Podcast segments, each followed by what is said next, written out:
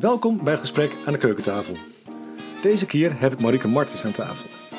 Marieke is coach, trainer, docent en auteur van het boek De Boodschap van de Vogel. Ik ga het met haar hebben over druk, over de aandacht wat kinderen nog niet kunnen en wat voor gevolgen het heeft. En hoe ga jij om als vrouw met jongens in je groep? Luister mee. Welkom. Dank je. Ja, Marieke. Leuk je voor de tweede keer nou eens te zien. Want ik heb jou nou, lang geleden uh, een keertje uh, van jou een DM gehad op LinkedIn. Um, dat je een podcast had gehoord van, was dat van Lee waarschijnlijk? Van Lee, ja. Ja, ken jij Lee? Nee, ik ken haar niet. Nee, nee maar ik ben wel geïnteresseerd in uh, kinderboekenschrijfsters. En nou ja, dus ik, ik had haar bij jou gehoord. En ik zag dat ze vandaag nog iets had gepost over die mooie illustraties. Uh, dus, en toen zag ik inderdaad uh, reactie daar weer op, op, uh, nou ja, op, op ons zeg maar, chatverkeer bij LinkedIn. Ja. Het, het, leuke vond ik wel is dat jij op een gegeven moment ook aan de bel trokken van joh, ik heb misschien ook wel iets interessants. En um, zo zijn we in gesprek geraakt. En de vorige keer hebben we echt wel een tijd um, nou, gehad over um, heel veel dingen die, ja, heel veel raakvlakken die we samen hebben. Die rode draad is eigenlijk wel die kinderen, ook gelukkig mm -hmm. weer. En ja. um, nou, dat, dat, dat triggerde mij wel. En uh, ik wil het vandaag ook heel graag met jou over hebben. Sowieso uh, over jouw boek natuurlijk. En ook over het um, ja, werken met jongens. Mm -hmm. Die toch al aandacht mogen hebben, vind ik. In, in de kinderopvang, maar ook in het onderwijs überhaupt. Maar allereerst wil ik heel graag weten. Uh, wie ben jij? Marieke. Ik zie Marieke Martens. Ja. Vertel. Um, nou, allereerst uh, um, ben ik uh, moeder. Ik denk dat uh, dat, dat een, een hele belangrijke is, ook juist in het werken met, met kinderen. Om zelf ook in die moederrol te zitten, zodat ik, ehm, nou ja, omdat je als je werkt met kinderen en je hebt zelf kinderen, dat, dat nou ja, soms kan je dan net eventjes wat anders inle inleven. Of, of nou ja, op bepaalde vlakken misschien soms beter inleven. Um, ik heb een coachpraktijk. Ik coach um, ouders, kinderen, jongeren en ook professionals in de kinderopvang en in het onderwijs. En dat doe ik eigenlijk al tien jaar. en ik woon in Deventer. En nou ja, ik ben getrouwd en ik heb twee honden. Dat even... Die uh, angstvallig weggehouden worden. Dat zijn duidelijke instructies. Die nu inderdaad uh, angstvallig weggehouden worden. Ja, precies. precies. Ja. Ja, gaaf. Ja, um, en, maar dat, um, uh, je bent coach, maar was het ooit je ambitie? Nou, zolang ik me kan herinneren, werk ik al met kinderen. Dus eigenlijk al mijn opleidingen um, zijn allemaal, hebben allemaal te maken met het werken met kinderen. En ik weet nog wel, uh, toen ik in een kinder, uh, werkte, weet ik wel dat ik tegen mijn moeder zei van, goh, uh, kunnen ze niet bij ons komen met kerstmis? want ik vind het zo zielig dat al die kinderen daar zitten zonder ouders. Dus het, het, de, de passie om iets te doen voor een ander kind, um, zit er al van kleins af aan in. Dus ik heb altijd gewerkt met kinderen, maar dan, nou ja, de ene keer was het in een vorm van onderwijs, en de andere keer in een vorm van kinderopvang, hulpverlening. Um, ja, het heeft natuurlijk allemaal raakvlakken met elkaar. Dus ik kan me niet anders herinneren dan dat kinderen in mijn uh, leven zijn. Ja. bijzonder. Ik herken dat heel duidelijk, want ik heb het zelf ook. Alleen, ik heb het volgens mij meegekregen vanaf mijn vader. Die was uh, vroeger hoofd der school. En later werd het natuurlijk de directeur. Maar ik vond het zo fascinerend wat, wat uh, gebeurde met kinderen, ook in het onderwijs, dat ik eigenlijk nooit verder gekeken heb dan ik dacht van nee, ik wil uh, leraar worden. Ik wil voor de klas staan en die kinderen gewoon helpen. Mm-hmm. Mm-hmm. Ja, en dus ik herken heel duidelijk wat je zegt, want het, het is voor mij ook, ondanks mijn zoektocht in mijn nou ja, carrière, vind ik zo'n zwaar woord, maar in mijn werk is ja, het kind altijd centraal. En dat vind mm-hmm. ik wel heel mooi dat jij dat zelf ook benoemt. Ja, ja. Wat, wat zou het kunnen zijn?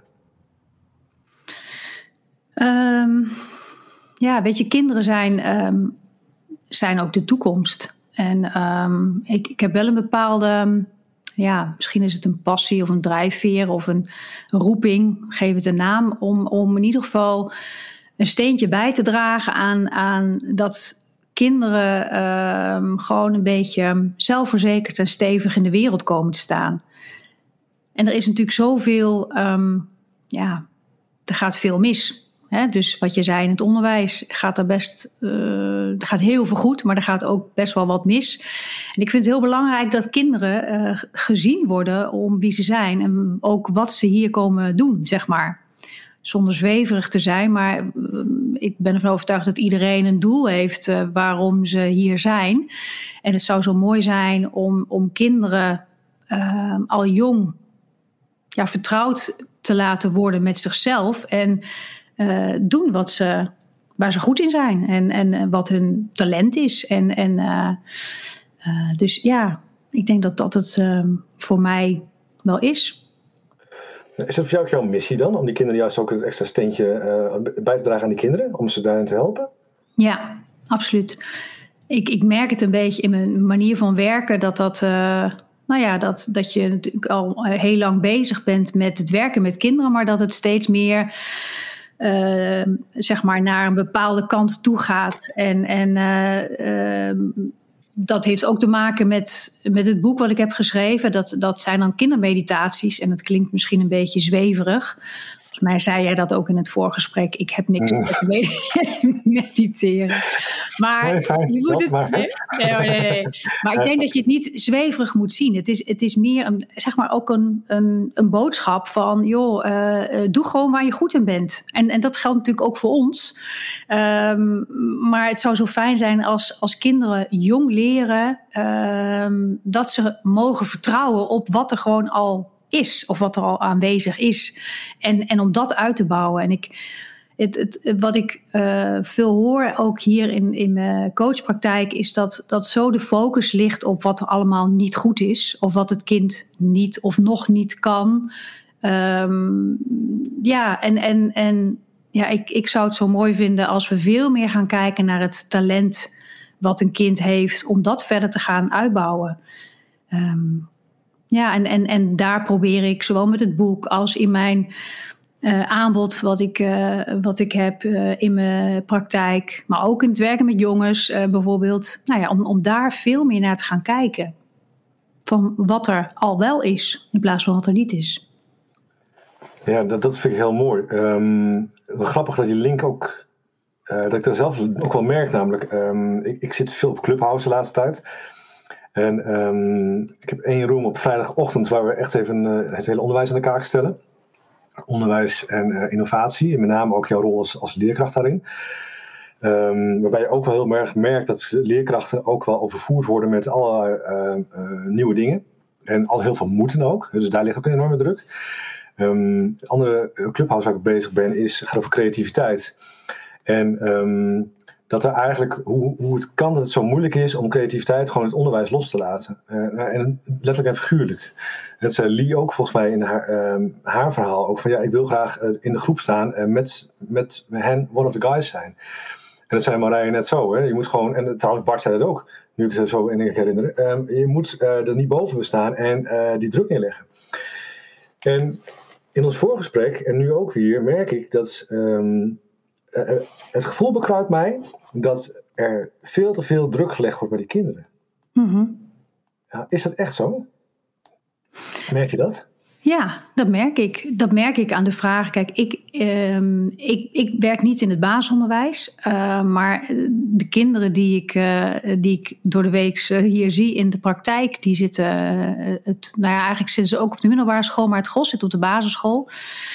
En die lopen daar tegenaan. Niet alleen um, het, het, gevoel op, op hun tenen te moeten lopen door, uh, door wat ze allemaal moeten, maar ook de omgeving. En, en um, um, hè, dus, dus, dus ja, bijvoorbeeld als het gaat over uh, meidenvenijn, bijvoorbeeld. Dat is ook zo'n zo'n thema wat heel veel speelt. Hè? Dus, dus dat, uh, het, het, het, het onderhuidse pesten. Dus, dus de omgeving speelt daarin mee. Maar ik denk dat de leerkracht um, ja, ook niet altijd ziet wat er gebeurt. Ook omdat het vaak, dit, heel vaak dingen gebeuren buiten het zicht om hè, van, van een leerkracht. Um, maar ja, echt zichzelf kunnen zijn is, is lastig. Is lastig. Er wordt veel verwacht. Er wordt veel verwacht. Uh, kinderen moeten echt wel een beetje op hun tenen lopen. En, en dat is niet alleen de school, maar dat is, gebeurt ook thuis. Dus het is denk ik van. Ja, vanuit allerlei richtingen dat een kind nou, best wel heel hard moet werken, denk ik. Ja. Mhm. Ja, nou, nou komt in één keer het hele nare woord naar boven waar ik het echt niet jou ga hebben, maar uh, leerachterstanden. Mhm. Dat is je, vreselijk dat dat gewoon op die manier benoemd wordt en zo benadrukt wordt. Ehm, maar dat, dat, is, dat is misschien wel heel typerend voor wat kinderen dan wel ervaren op die manier. Mhm. Dat het benoemd wordt, dat er toch even bepaalde druk gelegd wordt. Ja. Nou ja, wat ik zei, dus dat er, dat er echt de, meer de focus wordt gelegd op wat een kind allemaal niet of nog niet Exact. kan. Ja, Ja, exact. en dat is denk ik nog wel nog steeds zo. En, ik, en weet je, het is echt niet, weet je, want er zijn, er zijn natuurlijk ongelooflijk veel goede leerkrachten, weet je. Dus, dus eh, want dat, op het moment dat jij voor dit vak kiest, dan heb je een passie om met kinderen te werken en om kinderen ehm, eh, gewoon een stukje verder te, te brengen op, op de weg die ze moeten gaan. Weet je, dus het is, ehm, het is maar ja, ik denk dat daarin ook leerkrachten misschien ehm, af en toe ook wel bepaalde tools nodig hebben, wellicht. Hè? Van, eh, eh, of daarin misschien ook af en toe gecoacht mogen worden. Ehm, ja, Ja, ik, ja, snap ik. ik. Maar ja, weet je, wat ik, dat, dat eh, heb ik ook een beetje, volgens mij de vorige keer ook gezegd, ehm, eh, waren de luisteraars natuurlijk niet bij, maar ik herhaal het wel eventjes. Want ik vind coaches waren voor mij eigenlijk altijd ja, mensen eh, ja, die je eigenlijk nodig had als je het, eh, het ja, mentaal wat lastig zou zitten. Ehm, dus ik hield altijd coaches wel van, nou, weet je, wie heeft nou een coach nodig? Mhm. Ja, Totdat ik vorig jaar zelf in gesprek ben gegaan met de coach. Ik vond het wel zo verhelderend. Dat is wel, eh, weet je, en eh, met mijn keert dan eh, niks, vind ik, zwaar, vind ik verkeerd uitgelegd. Maar eh, het is heel fijn dat je gewoon die spiegel hebt en dat je gewoon daar eens even kan reflecteren of later even reflecteren. En ehm, is dat niet ook iets wat, wat je ehm, misschien ook wel merkt bij bijvoorbeeld eh, leerkrachten of ouders? Dat ze dan denken van ja, maar ik heb geen coach nodig, dat is niet gek of zo. Dat beeld? Ja, ik denk dat dat, dat, eh, eh, dat, dat eigenlijk steeds, steeds minder wordt. Of dat er steeds meer mensen de weg naar een coach eh, vinden. Weet je, vro- vroeger, toen wij... Ik gok even dat we een beetje even oud zijn. Sorry als het... Volgens mij ben ik zelfs nog ouder. Maar, nee, maar in de tijd... 47. Kijk, zie, ouder ben ik. Ja. Maar in ieder geval, weet je, in de tijd dat, dat wij kind waren, weet je, had je niet een coach waar je naartoe ging. Dat, dat bestond niet. Maar ik, ik denk zo vaak had ik toen maar die coach waar ik even naartoe kon. Om gewoon even, eh, even te horen van, hé, hey, eh, het is oké, eh, je bent inderdaad niet gek. Er is eigenlijk niet heel veel aan de hand, maar eh, er zijn, je hebt wat moeite met bepaalde dingen. En ik wandel even een stukje met je mee. En dan laat ik je weer los. Dus ik denk dat in deze tijd eh, zijn natuurlijk heel veel coaches op allerlei vlakken. Dat mensen wel die weg daar naartoe eerder en makkelijker vinden. Ehm, en, ehm, nou, en ik merk ook bij ouders dat ouders eigenlijk toch ook best wel heel erg openstaan. En dat ook heel veel ouders zeggen van goh, mijn kind heeft, heeft het lastig op bepaalde vlakken. Maar ik denk dat het iets met mezelf te maken heeft. En dat is wel heel mooi, want dat betekent eigenlijk dat je heel erg open staat voor: oké, eh, misschien heb ik hierin ook wel iets te leren. En dat maakt dat ik, ehm, niet ik, maar er zijn er heel veel die op die manier werken, maar veel vaker ook met ouders werken. In Mhm. plaats van met de kinderen. Want op het moment dat je de ouder een beweging kan laten maken, of dat je de ouder, bij wijze van spreken, eh, kunt laten kijken naar een, een, een oud stuk van zichzelf, dan zie je dat het kind daarin ehm, ook geholpen wordt. En dat het, waar het kind tegenaan loopt, dat het kind dat ook makkelijker weer los kan laten, omdat de ouder ziet waar het mee te maken heeft. En eigenlijk is dat met zichzelf. Heb je? hem? Mooi, ja. Nee, ja, gaaf. Ja, want in feite ben je dus gewoon eh, ja, in gesprek met de ouder, die het dan weer vertaalt in gedrag en doen en laten naar het kind. Is het goed zo? Is het goed? Ja, een kind spiegelt eh, de onverwerkte stukken van de ouder.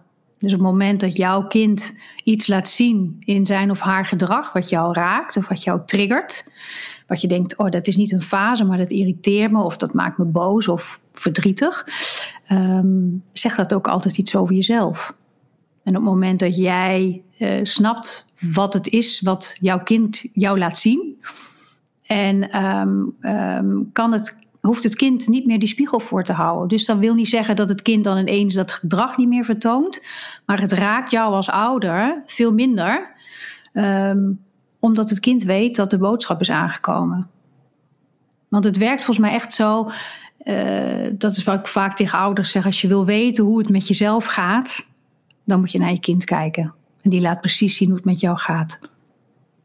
Nou, dat stemt me gerust. En als ik LinkedIn een beetje volg, dan gaat het volgens mij wel goed met jou. als ik jouw kinderen zo zie.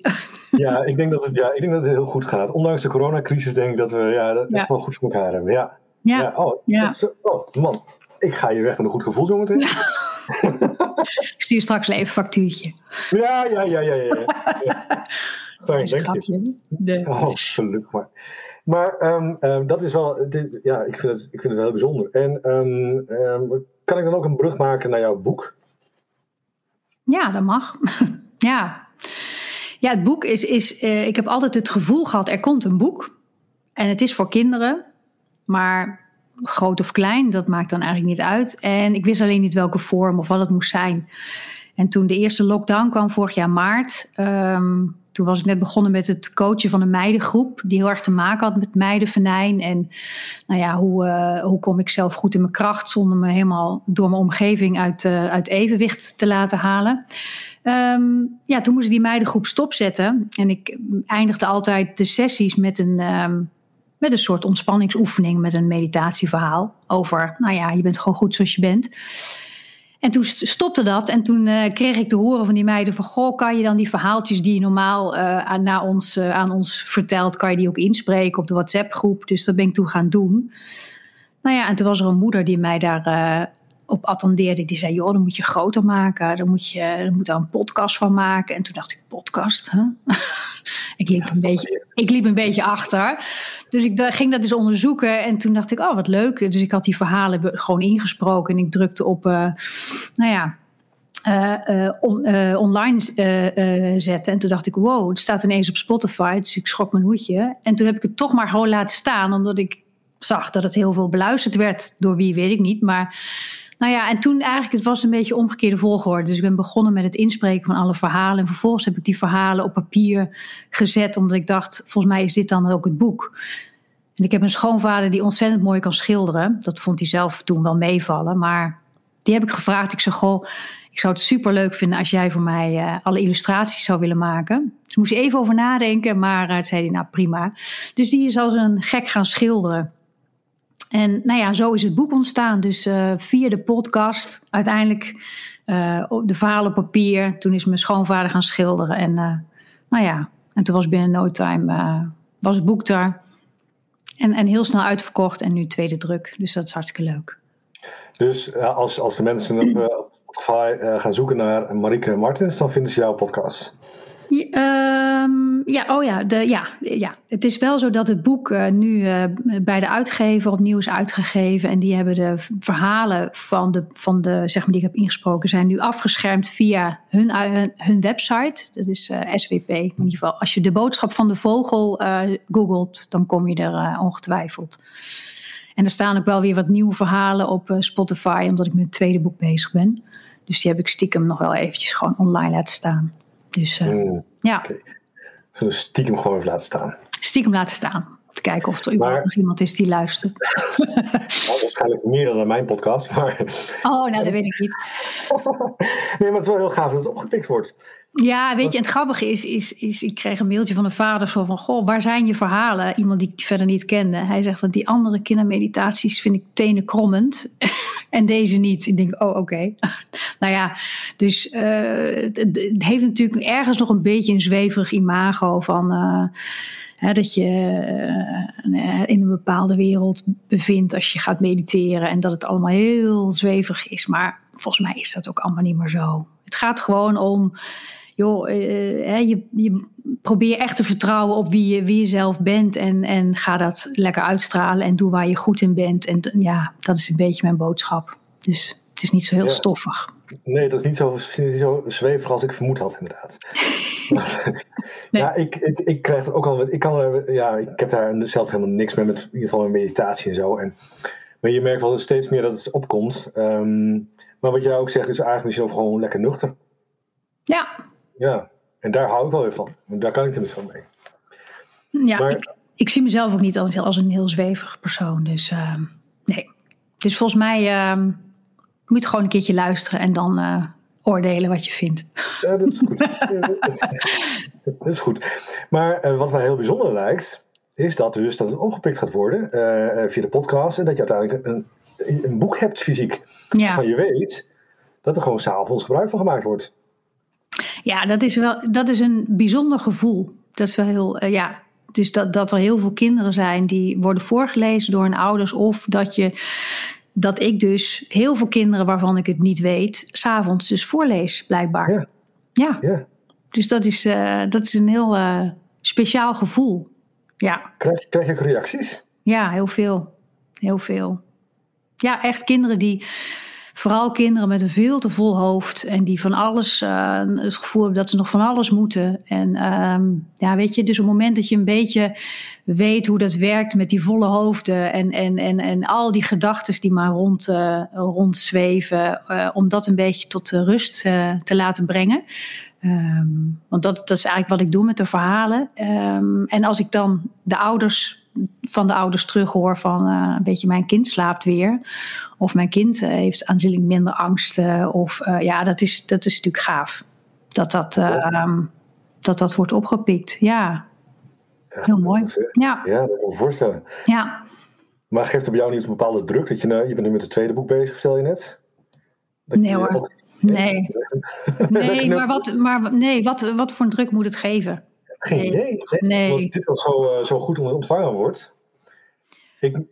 Nee, weet je, ik, ik, uh, ik, ik, heb, ik heb altijd schrijven leuk gevonden. Alleen uh, ik moest zelf ook over een drempel. Want ik had meer het gevoel van ja, maar ik ben geen echte schrijver. Ik bedoel, wie, wie zit op mij te wachten, weet je? Dus, maar dat is ook zo'n zo'n punt.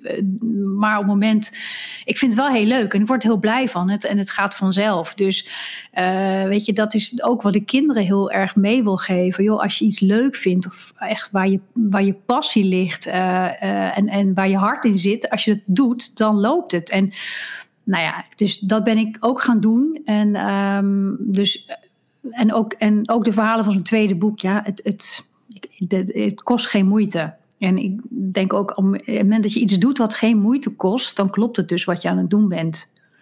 Ja, hè? Ja. Dat, dat vind ik wel heel mooi dat je het zegt, want ik merk aan mezelf ook dat ik um, nou, sinds januari is denk ik, sinds lockdown echt, uh, ook heel veel natuurlijk op LinkedIn uh, verhaaltjes schrijf. Ja. En ja, wat je ook zegt, uh, je volgt je hart wel in en dat, dat, dat doe ik ook. met de vraag van, ja, wie wil het überhaupt lezen? Um, en ik kreeg toevallig van Bart weer van de week een DM'tje. Sorry Bart dat ik je erbij ja. haal. Maar... Ik, ben ook, ik, ik, ben, ik ben ook fan van Bart. ja. Ja, ik ben benieuwd naar zijn boek. Maar ja. um, hij zegt er van hoeveel tijd zit je op LinkedIn? En um, ik, ik denk van ja, weet je eigenlijk helemaal niet zoveel tijd. Want wat jij ook aangeeft, je hebt een bepaalde ingeving of je hebt iets meegemaakt. En het rammel je eruit. En met LinkedIn heb je natuurlijk de max van 1300 tekens. En uh, tuurlijk, de eerste week was er schaven en knippen. En, maar tegenwoordig merk je gewoon dat het gewoon een kwartiertje op je tekst staan en je gaat weer door. Ja. En dat vind ik, en dat vind ik wel heel gaaf dat jij dat ook aangeeft toen met, uh, naar kinderen toe. Ja, volg je hart. Ja, als volwassene vind ik het best lastig hoor, om eerlijk te zijn. Want ja, je moet toch mee uh, voor je gevoel in de, in de meute. Um, ja. En ik denk als ik ja, vroeger had gehoord van volg je hart. Nou, en ik heb, wel, ik heb het al gedaan, denk ik. Natuurlijk, ik heb mijn, mijn passie, het onderwijs opgepikt. Nou ja, goed. Hmm. Ik, ik, vind het wel interessant. Ik, uh, mooie, mooie boodschap naar de kinderen toe. Ja. Maar daarom ook zo fijn om dat jong, om, om, om dat jong te leren, om daar jong mee uh, kennis te maken. En, en, uh, en daar zit natuurlijk ook een grote taak, denk ik, van, van een leerkracht, is, is uh, om, om, om zeg maar op die manier les te kunnen geven. Ja, dus uh, tenminste zie ik zo voor me als, als, ook, als ook een leerkracht echt vanuit haar of zijn passie voor die groep staat, dan wordt dat natuurlijk ook opgepikt. Ja. Maar er is natuurlijk nog heel vaak wat er allemaal nog moet. Weet je, je moet die scores of je moet toch hè, die, die CITO's uh, of nou ja, dat zit vaak natuurlijk nog wel in de weg. En dat is ja. jammer. Ja. Hartstikke jammer. En dat, vind ik, dat zie ik ook heel veel. Dat zie je heel veel mensen die passie eigenlijk kwijtraken. Omdat ze ja, bedolven worden onder alles wat moet. Ja. En dan denk ik van ja, jongens, even terug. Waarom heb je ooit voor het vak gekozen? Het is, er is een drive geweest. Mhm. En ehm, ik merk gelukkig op LinkedIn zie ik ook steeds meer mensen die ik volg, eh, die echt die passie hebben en ook laten zien. Ik, ik volg ook een uh, leerkracht die steeds hele korte blogjes van zichzelf maakt. Uh, nee, vlogjes. En dan zie ik het gewoon stralen. Denk ik van ja, dit is gaaf. Dit is zo mooi. Dat, dat, dat, dat wil je weer terug hebben. Ja. Dus ik gun het eigenlijk elk kind. Dat, ja. Ja. Maar um, wat ik ook elk kind gun, en dat is weer een andere brug natuurlijk. Um, ik als man, ik ben uit het onderwijs uitgestapt. Um, en in die tijd, dat is ook al voor mij gevoel 100 jaar geleden, was de discussie ook al gaande van ja, steeds meer meesters of verlaten het onderwijs of uh, gaan niet eens verder naar PABO 1, stoppen ze al mee. Hmm. Dus uh, wat voor een voorbeeldfunctie heb je dan straks nog als je als jongen in de klas zit en je hebt alleen maar juffen gehad? Ja. Ja. En dat, dat triggert me ook wel, want daar ben je ook natuurlijk druk mee. Ja. Um, ik ben inderdaad die, die Ruimte voor Jongens ben ik, ben ik gestart. is een beetje op mijn pad ge, gekomen.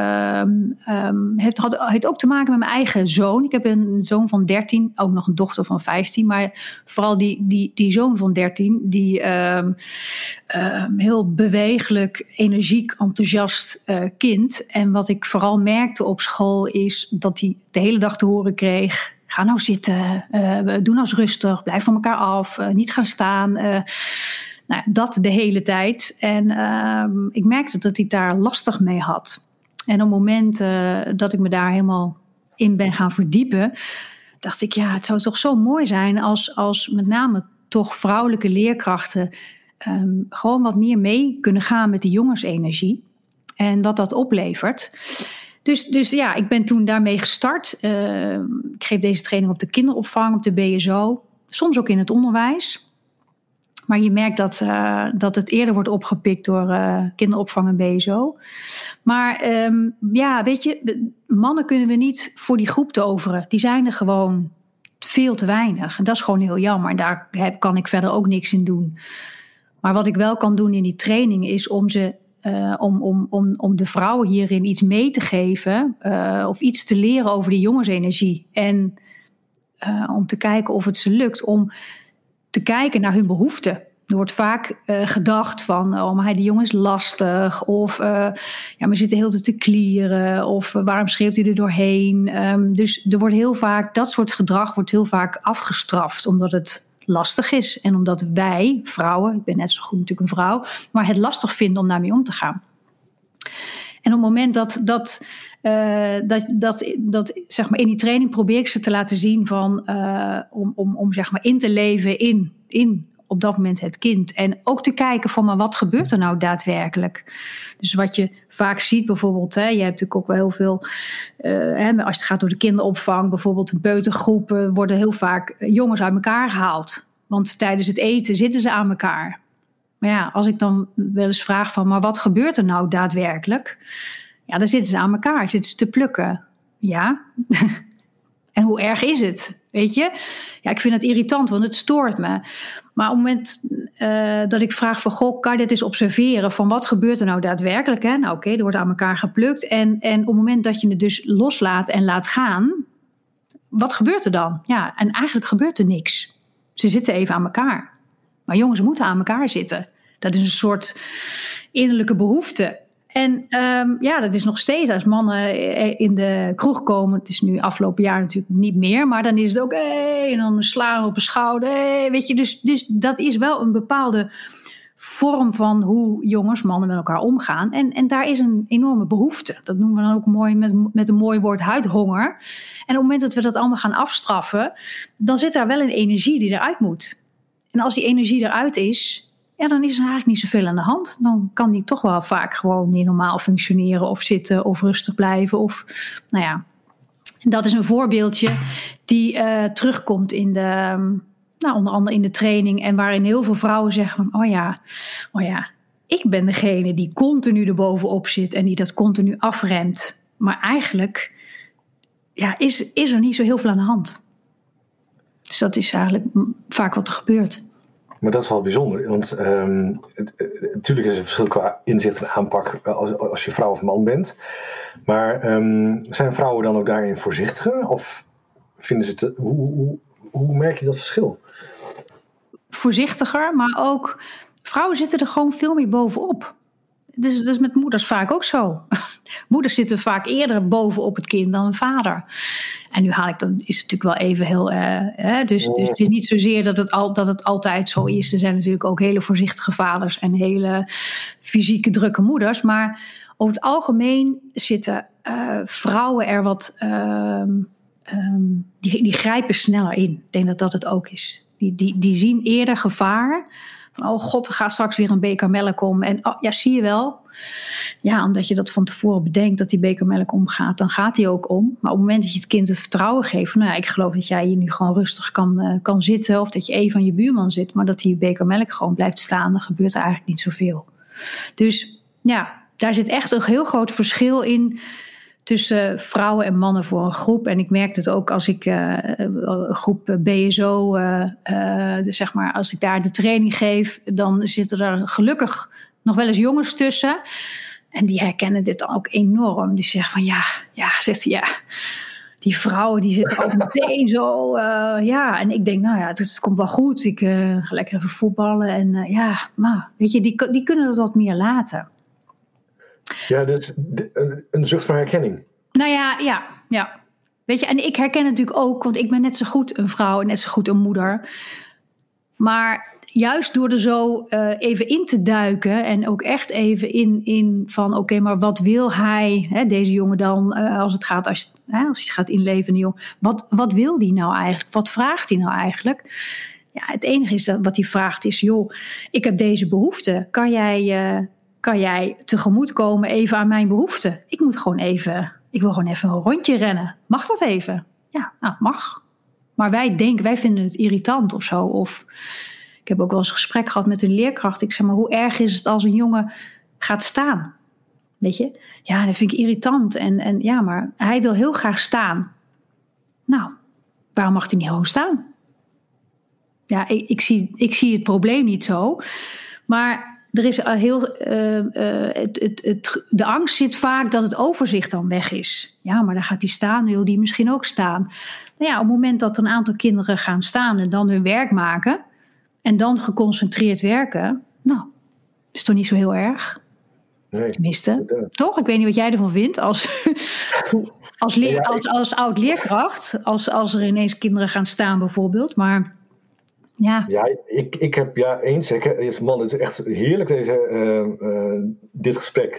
Ik, ik, begin hem al op te bloeien. Want ik herken het zo wat je zegt. Um, en ook die discussie die ik op school wel had.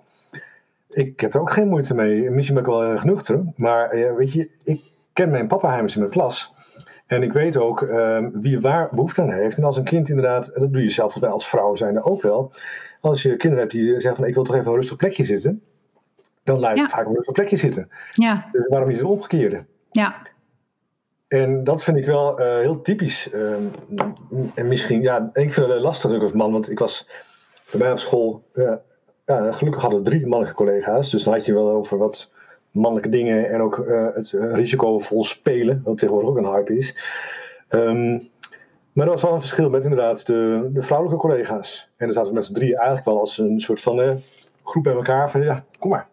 En dat was inderdaad ook wel de mannen en de vrouwen inzichten. Nee, maar ook omdat, omdat uh, uh, vrouwen het um, soms ook niet, ook niet weten. Het is, niet, het, is niet om, het is geen onwil, maar meer um, van ja, maar hoe, hoe dan wel? Ik weet nog wel dat ik. Um, ooit een filmpje maakte van, uh, van mijn zoon. En dat ging over een toets die hij moest maken. Ja dat, dat, ja, dat was een ramp op het moment dat ik hem aan een tafel liet zitten. En hem gewoon die woordjes uit zijn hoofd liet, uh, liet leren, zeg maar. Maar op het moment dat hij uh, op zijn kop hing en uh, of op de trampoline stond, had, waren die woordjes er meteen in. En ik had daar een filmpje van gemaakt en ik had het naar de leerkracht gestuurd. Um, die echt dacht van, oh ja, zo werkt dat dus. Dus wij denken op het moment dat een kind aan tafel zit en achter zijn boeken zit en verder niet meer beweegt en dat hij dan gefocust is. Maar er zijn heel veel kinderen die juist heel erg gefocust zijn op het moment dat ze een koprol maken. Of omdat dat als ze eventjes uh, rennen op de plaats. Weet je, dus ons beeld is, je, je bent gefocust op het moment dat je stil zit. Maar het is niet altijd, het, niet altijd hoe een kind uh, werkt, zeg maar. Of een kinderbrein daarin werkt. Dus ja, dus ik merkte dat aan, aan die leerkracht uh, heel erg, dat ze wel heel erg open stond voor van, ja oké, maar hoe dan? En toen heb ik ook gevraagd, joh, op het moment dat er een toets is, mag hij dan heel even tien keer de trap op en af? Want dan kan hij gewoon die toets maken. Dus dat is iets van, huh, oké. Nou ja, en, en dat gebeurde dus. Dus vlak voor zo'n toets even rennen en daarna merkte hij gewoon, oké. Dus die stof zat er prima in. Maar hij moest wel heel even van tevoren even die energie kwijt en dan die stof maken.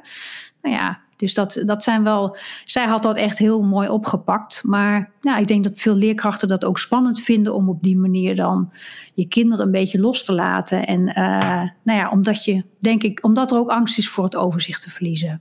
Ja. Ja, ja het, wat jij zegt, loslaten, dat is wel even het uh, woord wat eigenlijk constant in mijn hoofd rondgaat. Ja. Uh, durven loslaten ook. Ja. Um, want ja, als je het grip kwijt bent, wat gebeurt er dan? En ik vind het wel heel gaaf wat je zegt. En ook wel gaaf van je leerkracht dat ze nu meegaat. Want voor hetzelfde gaat zegt van ja joh, um, het is allemaal leuk en aardig. Maar um, bedankt voor je tip. Ja. Ik doe er niks mee. Ja. Nou ja, zij ging naar mee en zei, oh ja, want ze had een zoontje van drie. Waarvan ze dacht van, pff, ik snap er echt helemaal niks van. Kind is zo druk. Zou er iets meer aan de hand zijn? En ja, toen dacht ik, ja goed, daar kan ik niet over oordelen. Maar ik denk dat het gewoon een jongen is. Dit is gewoon een jongen. Nou, die hebben gewoon andere energie of die hebben andere behoeftes.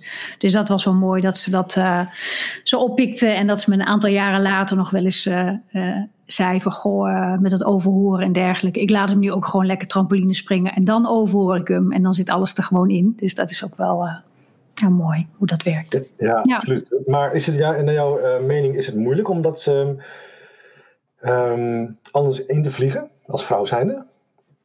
Hoe bedoel je, als, als leerkracht of als, ja, als, coach? Nee, uh, sorry, als, als leerkracht of als pedagogisch medewerker. Of, uh, dat je dat inzicht hebt in ieder geval van de jongens, van, dat ze anders spelen. Want ik, ik heb nu bijvoorbeeld uh, heel veel, in onze organisatie wordt heel veel over risicovol spel gediscussieerd. Hè, daar willen ze mee bezig. Van ja, ja, spelen is belangrijk, maar we moeten uitkijken dat het niet te gevaarlijk wordt. Ja. En, en dan denk ik weer van jongens, kom op, um, wat is nou gevaarlijk? Ik ben EHBO-instructeur. Mm -hmm. um, dus ik, ik, ik, neem ook heel veel van die dingen gewoon mee in de praktijk. Um, en als ik dan hoor wat er daadwerkelijk gebeurt in de praktijk, nou, bijna niks. Nee. Het is vaak een pleister plakken wij spreken, terwijl ik juist ook de grotere dingen bespreek. Maar ja, dan merk je al van ja, dat maken we eigenlijk nooit mee. Mm -hmm. Dus ja. Um... Nee, de, absoluut waar. Dat herken ik wel in die zin dat uh, bijvoorbeeld ook uh, uh, bijvoorbeeld de BSO het allemaal spannend vindt op het moment dat kinderen echt zeg maar naar buiten gaan of in een boom klimmen of dat soort dingen doen.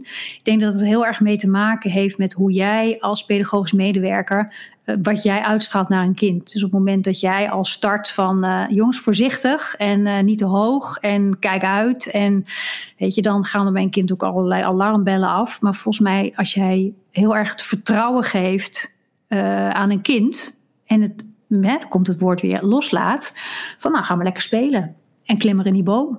Kijk maar hoe ver je gaat.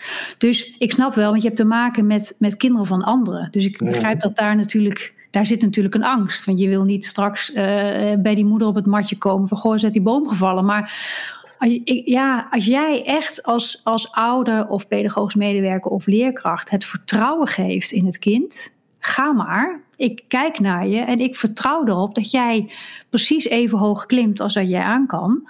Gebeurt er eigenlijk helemaal niks. En dat is wel het mooie, is dat uh, als ik dit soort voorbeelden noem, uh, de training is een aantal dagdelen en dan meestal zeg maar de keer daarop wordt er dan gezegd, goh, ik heb het losgelaten, dat stukje van het klimmen. Ja, en eigenlijk dacht ik, oh ja, er gebeurt ook inderdaad niks en een kind voelt heel duidelijk waar zijn of haar grens ligt. Weet je, dat, dat weten ze heel goed. Alleen wij denken altijd, hoe kijk uit of... Uh, dat het kind het niet, niet zelf voelt. Maar zo werkt dat volgens mij niet. Nee, nee dat geloof ik ook niet. Nee, eens. Ja. Uh, vooral ook als je kijkt naar de BSO's en de kinderopvang, hoe veilig het al gemaakt is. Hè, er kan eigenlijk feitelijk al niks misgaan. Nee. Want uh, elke centimeter wordt uitgemeten en beoordeeld. Ja. En overal zijn hekjes en uh, terecht hoor. Want wat je zegt, je werkt met andermans kinderen. Ja. Maar ik denk wel vanuit dat, die, ehm, eh, dat, dat uitgangspunt, ja, dat zou je eigenlijk inderdaad misschien meer los kunnen laten. Ja, Of moeten zelfs. Ja, maar ik denk ook dat je van tevoren bijvoorbeeld tijdens een intake met nieuwe ouders, dat je daarin ook wel een aantal zaken eh, kan doorspreken van hoe, hoe, je, hoe jullie op je kindercentrum bijvoorbeeld eh, eh, omgaan met kinderen. Dat je ze wat losser laat of dat je dat af en toe toch een keer een kind thuis komt met een scheur in zijn broek. En dat ouders dat weten. Want wat ik vaak terughoor ook is, is ja maar die ouders, die, die zitten er zo bovenop. Of ouders vinden het heel lastig om hun kind eh, ja, met een schaafwond of met kapotte kleding weer thuis te zien eh, komen. Maar op het moment dat je je beleid eh, uit kan leggen tijdens een intake, van nou, dit is onze manier van werken, ehm, nou ja, kan je het misschien al wel een beetje voor zijn. Ja, mooi. Plus daarbij dat je het eh, wel ook dus als soort van DNA in je organisatie hebt zitten. Want je bent Ja. er bewust mee bezig. Ja, ja. Dan kan je zeggen, wij werken zo omdat kinderen hierdoor eh, groeien en heel erg eh, ehm, zeg maar hun eigen, ehm, ja, hun eigen ontwikkeling of hun eigen talenten gaan ontwikkelen of, of erachter komen wat ze kunnen. Ehm, en, en, en veel jonge ouders die, die weten dat ook niet hoe het werkt. Weet je, dus die, moment dat jij net een, je eerste kindje hebt en die breng je voor het eerst naar de kinderopvang. Ja, weet je, dat is natuurlijk ook allemaal nieuw.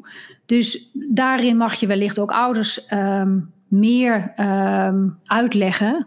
Nou ja, wat dat, eh, dat in dit geval bijvoorbeeld een kind heel veel eh, zelf ook aanvoelt. Wat hij wel of niet kan. Of eh, ja, Ja, dat is, en dat is wel herkenbaar. Ik merk met heel veel pedagogische medewerkers inderdaad dat ze daar dat besef niet eens hebben.